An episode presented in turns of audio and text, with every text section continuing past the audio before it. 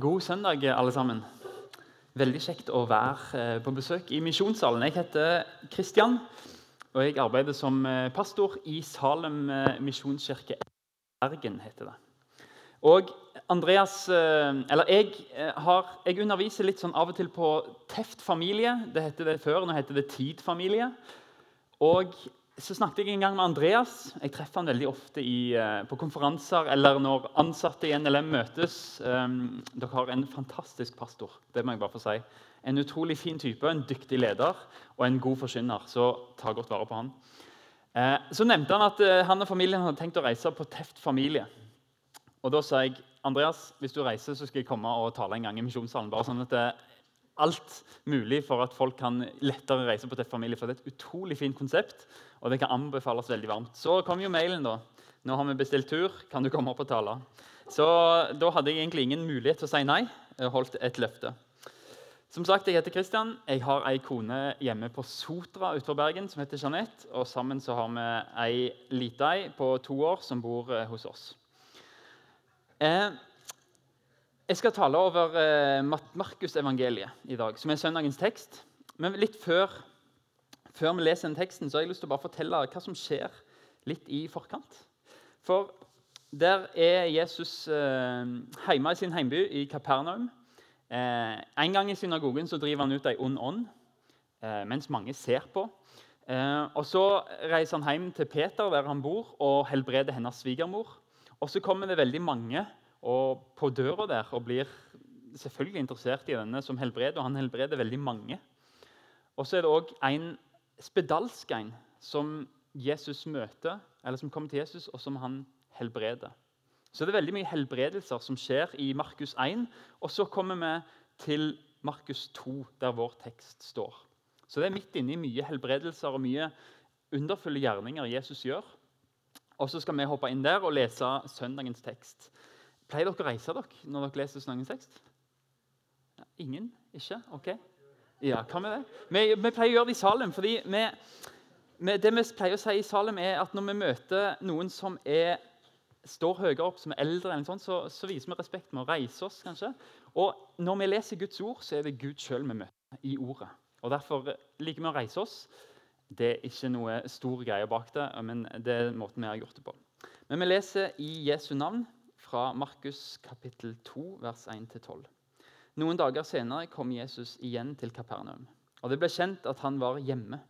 Det samlet seg så mange at de ikke fikk plass, ikke engang utenfor døren. Mens han forsynte ordet for dem, kom de til ham en som var lam.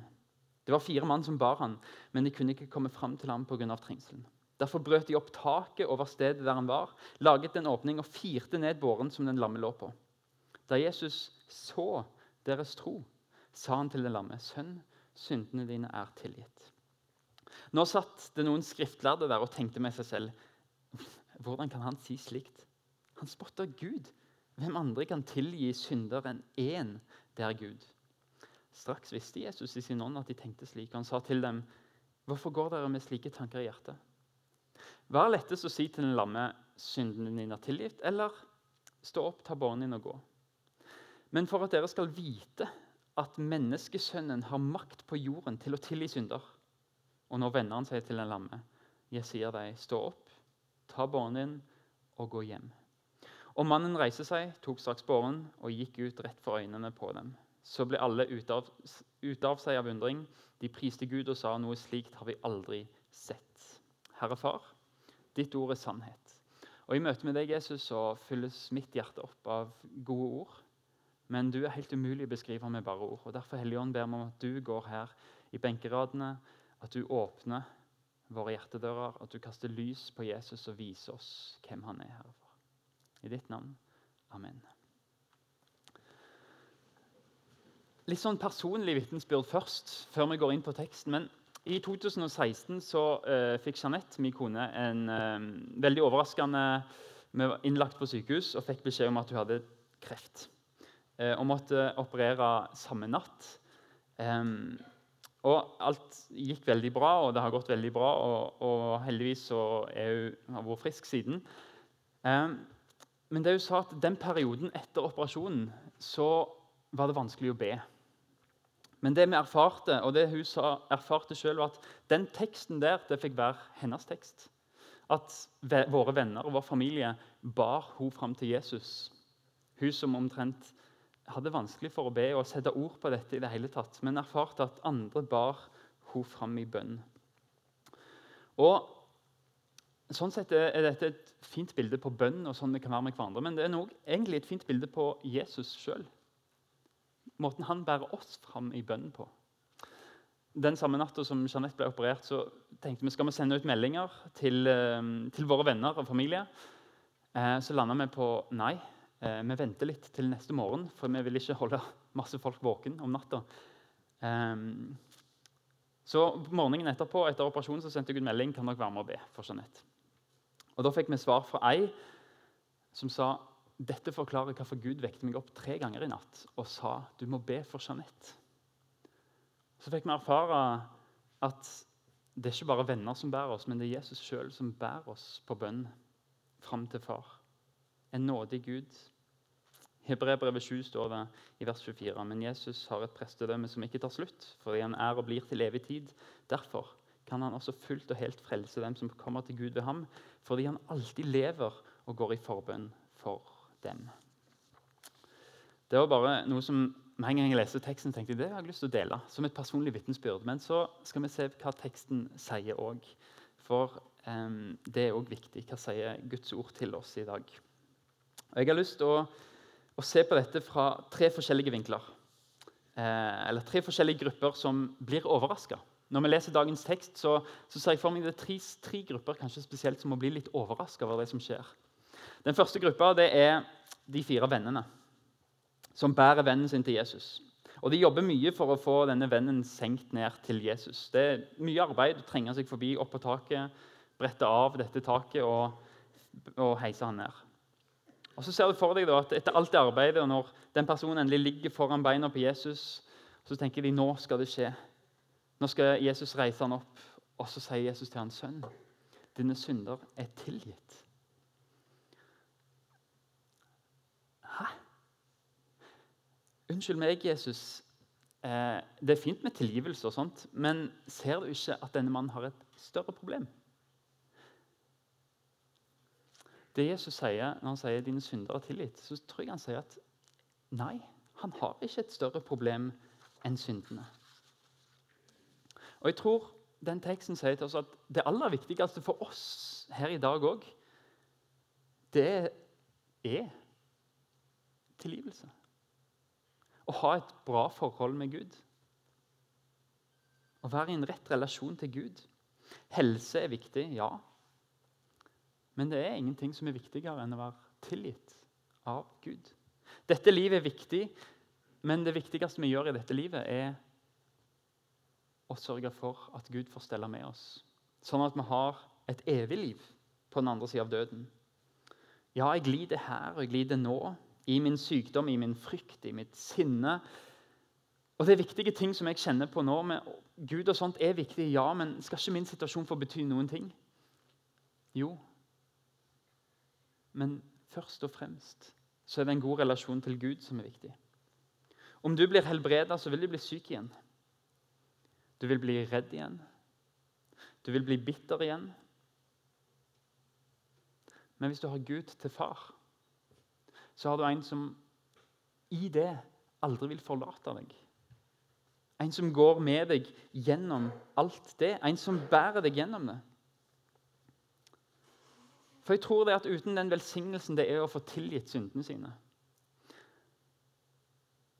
så kan en ikke nyte til fulle alle andre velsignelser som Gud vil gi deg. Du kunne fått helbredelse, men likevel måtte tilbringe et evig liv borte fra Gud. Tilgivelse er det dypeste behovet vi har. Det er en som sier, det er et vitnesbyrd som sier eh, Jeg har ikke erfart dette. Og, og, Det kan godt være at mange kristne ikke sitter med samme erfaring, men det er en som sa det at tannpine Du har en sånn konstant tannpine og vondt, og, og du har det over lang tid. og gjør ingenting med det. Og Til slutt så blir det bare en del av deg, den smerten. og Det blir helt vanlig dagligdags. Og, og ja, du har vondt, men, men, du er i det hele tida. Og du tenker kanskje ikke så mye over til slutt. Men når du går til tannlegen, han fjerner årsaken til smerten. Så sa han sånn var det å bli tilgitt. Som når tannpinen slutter fordi tanna er borte. Du merker at du hadde mer smerter enn det du trodde. Men du merker at nå er han vekke. Plutselig er jeg ikke i det lenger. Jesus setter deg fri til å leve et liv i overflod, et liv i tilgivelse. Og Kanskje er det modig å si, men jeg lurer på om uten tilgivelse er vi kanskje mer ulykkelige enn det vi tror. Jeg skal ikke svare på det, men, men kan tenke på det. For jeg tror vi har medisin i dag, og sykdom og alt sånne ting. Og jeg tror det er viktig å si at Jeg vet ikke om det er riktig, men kanskje kan vi si at vi kan bli kurert. Men kan det være å si at helbredelse òg spiller inn på sjel og ånd i tillegg til legeme? At Gud helbreder, mens medisin kan kurere? Går det an å sette noe skille der? Jeg vet ikke. Det er bare noen tanker som jeg fikk i når jeg satt med denne teksten. Men jeg tror det er at Guds tilgivelse er garantien for alle andre velsignelser. Ikke her og nå, men for det evige liv. Hvis Gud tilgir, så vil han ikke holde noen andre velsignelser fra deg. Han har allerede gitt deg den største velsignelsen av de alle, sin egen sønn, det evige liv. Alt annet blir i det evige liv en selvfølge. Roman 8 står det vi vet at alt tjener til det gode for den som elsker Gud. Dem han har kalt etter sin frivillige. Og vers 31, Hva skal vi da si til dette? Er Gud for oss? Hvem er da imot oss? Han som ikke sparte sin egen sønn, men ga ham for oss alle. Kan han gjøre noe annet enn å gi oss alt sammen med han? Hvis Jesus får tilgitt deg, så er alt mellom her og himmelen under Guds kontroll. Sånn at alt, til og med lidelse og sykdom, tjener til det gode.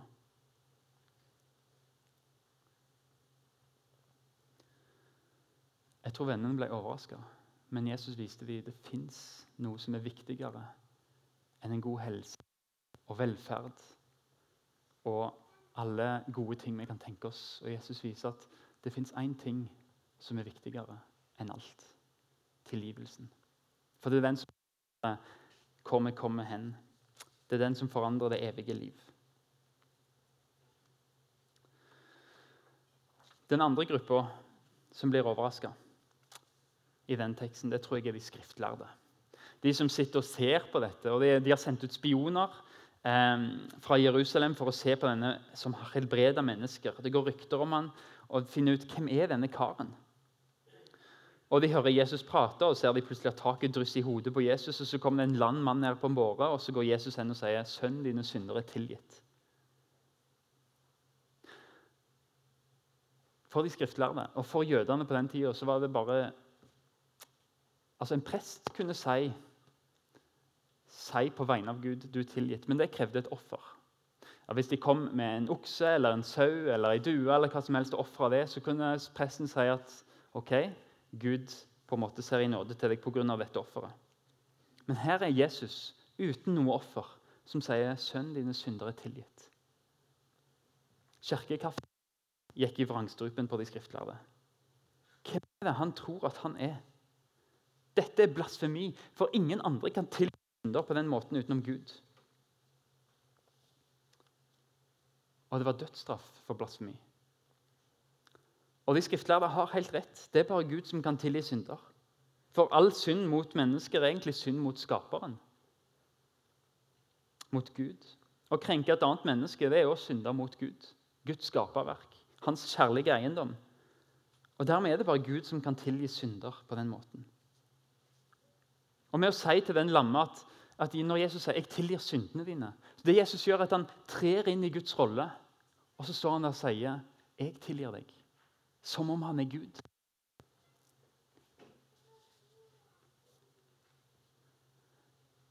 For fariseerne så ser de at dette er det verste opprøret mot Gud en mann kan gjøre. Han, kaller, han går inn i Guds sted, han kaller seg Gud en blasfemiker.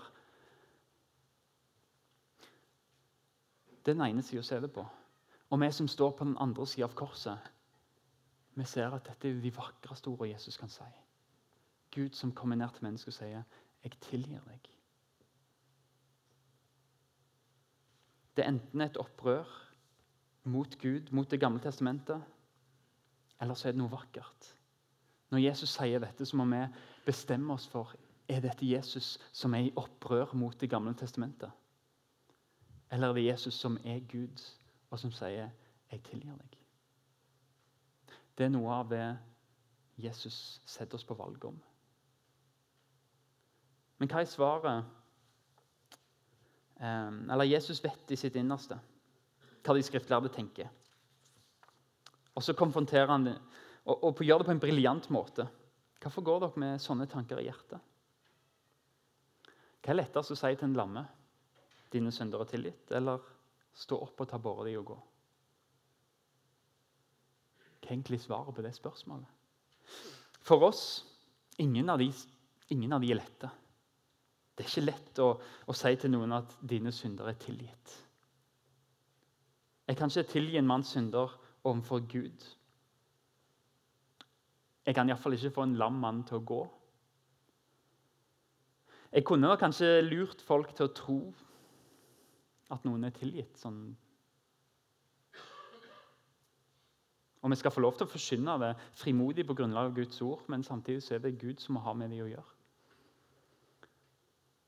Men helbredelse det er noe synlig, noe veldig konkret. Noe Noe som du kan se og erfare. Men poenget er at det er ikke oss dette skal være lett for. Det er Gud som kan. Og Hvis han kunne helbrede, så kunne han også tilgi. For det var, Jødene trodde at synd og sykdom var nært knytta til hverandre. Sykdom var straff for synd. Synd og sykdom det var to sider av samme mynt. Det kunne ikke være helbredelse med mindre det var tilgivelse inne i bildet. Og I 5. Mosebok 18 så står det også at du skal prøve en profet på hvis det han sier, skjer, så er det fra Gud. Og Jesus vet det. Og Så sier han, 'Vil dere vite om jeg har makt til å tilgi synder?' Se på dette. Og Så vender han seg til den lamme og sier, 'Stå opp, ta båret di og gå hjem'. Jesus sier, 'La meg fortelle dere hvorfor jeg helbreder denne mannen', sånn at dere kan vite at når jeg sier dine synder er tilgitt, så er det sant. Jesus viser at han har autoritet til å gjøre det bare Gud kan gjøre. Og De skriftlærde de var nok klart til å steine Jesus, for det var straffen i Det gamle testamentet for blasfemi. Men så hadde vært forundra når de ser at den, den lamme mannen reiser seg, tar båret si og går hjem. Var Jesus virkelig den han sa han var? Det skjedde rett foran øynene på oss. Men de var harde av hjerte og raste mot Jesus. Han måtte gjøres noe med. Gud i kjøtt og blod? Nei, dette var bare en blasfemiker. Med trer, tre, inn i Gud, inn, trer, trer inn i rollen som Gud og framstår som om han kunne helbrede og tilgi, så signerte Jesus egentlig sin egen dødsdom. Han var klar over at det kom til å lede til forfølgelse, arrestasjon og dødsdom. Og det var som blasfemiker at det jødiske rådet ville steine han og drepe han.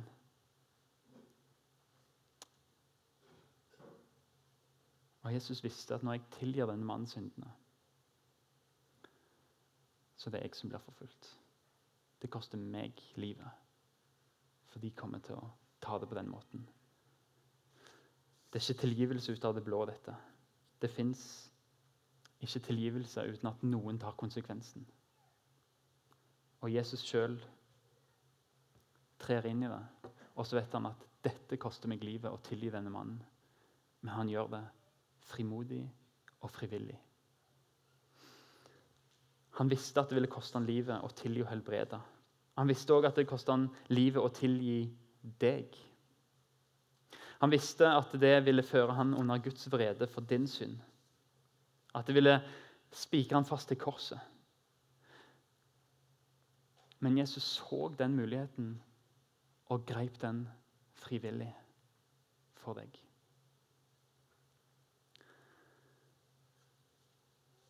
Selv om du er du. Og selv om Jesus ikke kan garantere at alle blir kristne og tar imot hans offer, så gjorde han det likevel.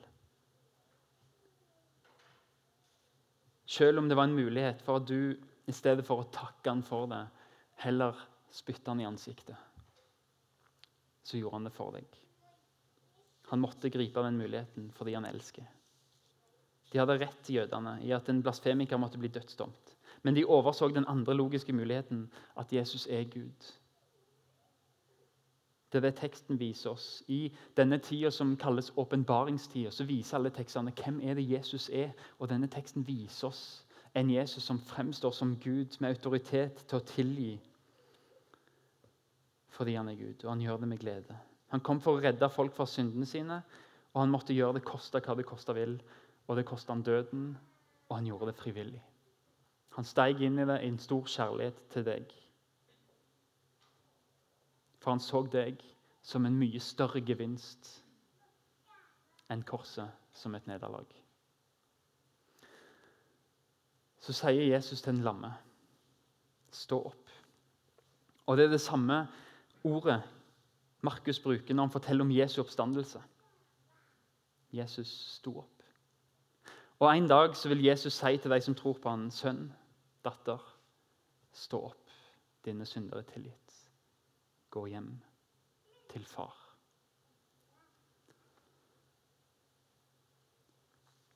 Vi kan møte døden frimodig fordi vi har en som sier 'stå opp', som har bevist at han har makt over døden med å stå opp fra de døde, og som sier det til deg 'stå opp, gå hjem'. Så skal han få lov til å gå hjem til far til slutt De siste som blir overraska over denne teksten, eller i denne teksten, det er oss. Du har hørt denne, eller Hvis du har vokst opp i en kristen sammenheng, så har du kanskje hørt denne historien mange ganger. Jeg vet at jeg har hørt den en god del ganger. Men hvis jeg hadde lest hele Bibelen og ikke kjente til denne historien, hvis jeg hadde lest alt i Bibelen, og denne til slutt, så ville jeg blitt ganske overraska. Fordi den som kjenner Bibelen, vil vite at tilgivelse det kommer som en følge av omvendelse og bekjennelse. Gud er trofast og tilgir oss når vi bekjenner våre synder, skriver Johannes. Men i denne historien så er det en lam mann som ikke bekjenner noen ting. Han ber heller ikke om tilgivelse, men blir allikevel tilgitt. Hva er det som skjer her? da? For en ny leser så er dette overraskende. Jeg vet ikke om du kan sette deg inn i det hvis du har lest teksten mange ganger, men det er ganske overraskende. Men for Markus så skriver han noe om Jesus som gjør at for han er ikke overraskende. Han skriver en forklaring i vers 8. Straks visste Jesus i sin ånd at de tenkte slik. Hva var det Jesus visste? Jo, Det får vi vite i vers 6. Nå satt det noen skriftlærde der og tenkte med seg selv. De tenkte inni seg, og Jesus visste det. Han hørte de tenke. Jesus vet hva som bor i et menneske, skriver Johannes. Og Sånn tenker jeg at Jesus også kunne lese den lamme mannens tanker og ønsker. Og Kanskje har denne mannen et sånt uuttalt ønske om å få gjøre opp sin synd, men han vet ikke helt hvordan han skal formulere det, hva han skal si. For han er så tung av skyld og av skam. Men allikevel så har han en holdning mot Jesus der han og jeg håper Jesus er den som kan hjelpe meg. En følelse av å aldri nå opp pga. skyld og skam og bare er, er denne mannen min bergning? Og Jesus, Det er typisk Jesus å være så nådig og leser hjertet. Og Kanskje ser han at mannen sitt hjerte, eller at ditt hjerte er delt, at troen er fragmentert, men, men ser òg den brennende nøden etter tilgivelse. Og det er nok for Jesus. Det er så imøtekommende Jesus er med tilgivelse. Så imøtekommende Jesus er med nåde. Han venter ikke på at mannen skal gjøre de rette tingene. Han venter ikke på at denne mannen skal krysse av og si jeg er en luthersk, evangelikalsk, roseniansk kristen som er vel kjent med misjonsfolket i Misjonssambandet. Nei, for Jesus, Jesus leiter etter åpningen. Han er offensiv med nåden. Jesus vil tilgi. Det betyr at en trenger ikke gå i misjonssalen hele sitt liv. En trenger ikke nødvendigvis forstå alt som skjer når vi deler nattvær eller har dåp. og disse rare tingene som kristne kan gjøre. Og Kanskje er du på besøk og kjenner hva er dette her for noe? Men jeg vil at du skal vite at Før du forstår noen ting som helst, så er Jesus der og vil tilgi deg. Han vil gi deg nåde og evig liv. Ikke fordi vi er så flinke og har forstått alt, men fordi han er nådig og kjærlig. Før vi elsker, så har han elsket oss lenge før. Vi lærer våre barn opp til å si 'vær så snill', eller til å rekke opp hånda. Til å knekke de rette kodene for å få respons. Men Jesus er ikke sånn. Han er som faren i lignelsen om sønnen som kom hjem. Han venter ikke pent ved døra. Han venter ikke på beklagelse og bekjennelse og tigging fra denne sønnen. Nei, faren er sånn at han springer imot sønnen sin lenge før beklagelsen kommer. Det er Gud som springer imot deg før du vet hva, hva er det jeg må bekjenne. Hva, hvordan må jeg gjøre disse rette tingene? Hva bønn er det jeg må be? Gud elsker ikke sine sønner og døtre fordi de bekjenner sine synder. Men vi kan bekjenne våre synder fordi Gud elsker oss og tar imot det. Det er Gud. Jesus kom til jorda for å komme med nåde og tilgivelse, og han venter ikke.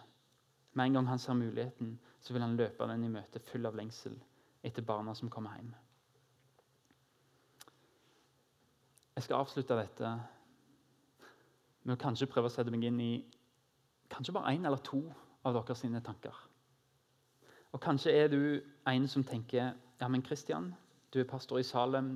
Du er ikke i misjonssalen her i Ålesund. Du kjenner ikke meg, og du vet ikke det at jeg har det sånn at jeg kan ikke bli tilgitt. Jeg har gått plasser der kristne ikke skal gå. Jeg har gjort ting som kristne ikke skal tenke på. Jeg er en som Jesus ikke kommer springende imot. Jeg har hørt det hele livet. Sånne som meg vil ikke kristne eller Jesus ha noe med å gjøre. Hvis jeg står fram med det jeg er, og det jeg har gjort, så vil folk bare støte meg fra seg. Vet du, Før dagens tekst, når Jesus helbreder en lamme, i Markus 1, så helbreder Jesus en spedalsk en. En spedalsk det var en som måtte bo vekke fra de andre fordi de var så redd for smitte. En som var støtt ut fordi de regnet at han har gjort noe og blitt syk som gjør at han kanskje har fellesskap med oss andre. En som var kasta vekk og sett ned på. En som ingen kunne røre, for da ble de òg ureine. Vet du hva Jesus gjør? Han går ut til han, og så rører han med han.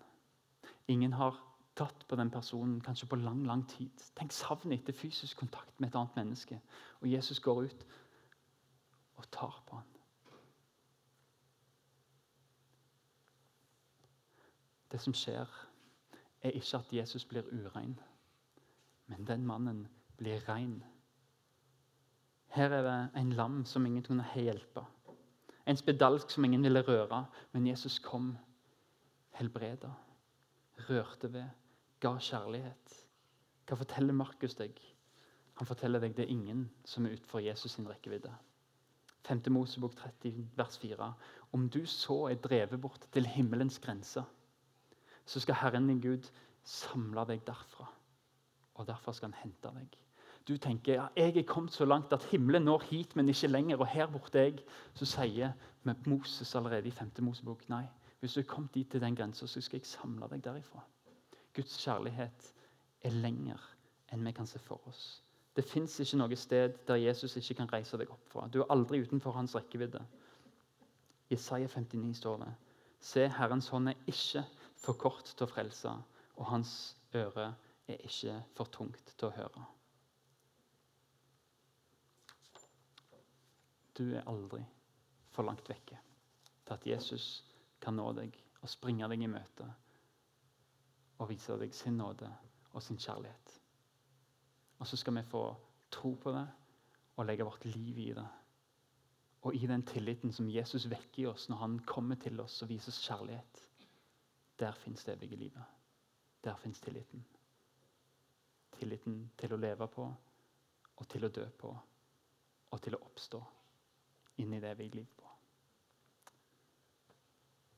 Herre Far, vi takker deg for at din nåde er så stor. Imøtekommende.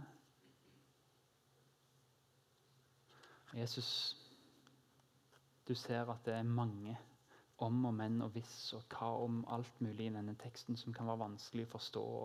Kanskje har jeg vært for brå og sagt noen ting som, som folk reagerer på, men, men Helligånden ber om at du allikevel brenner fast i sannhetene som er fra Gud og fra ditt ord inn i våre hjerter.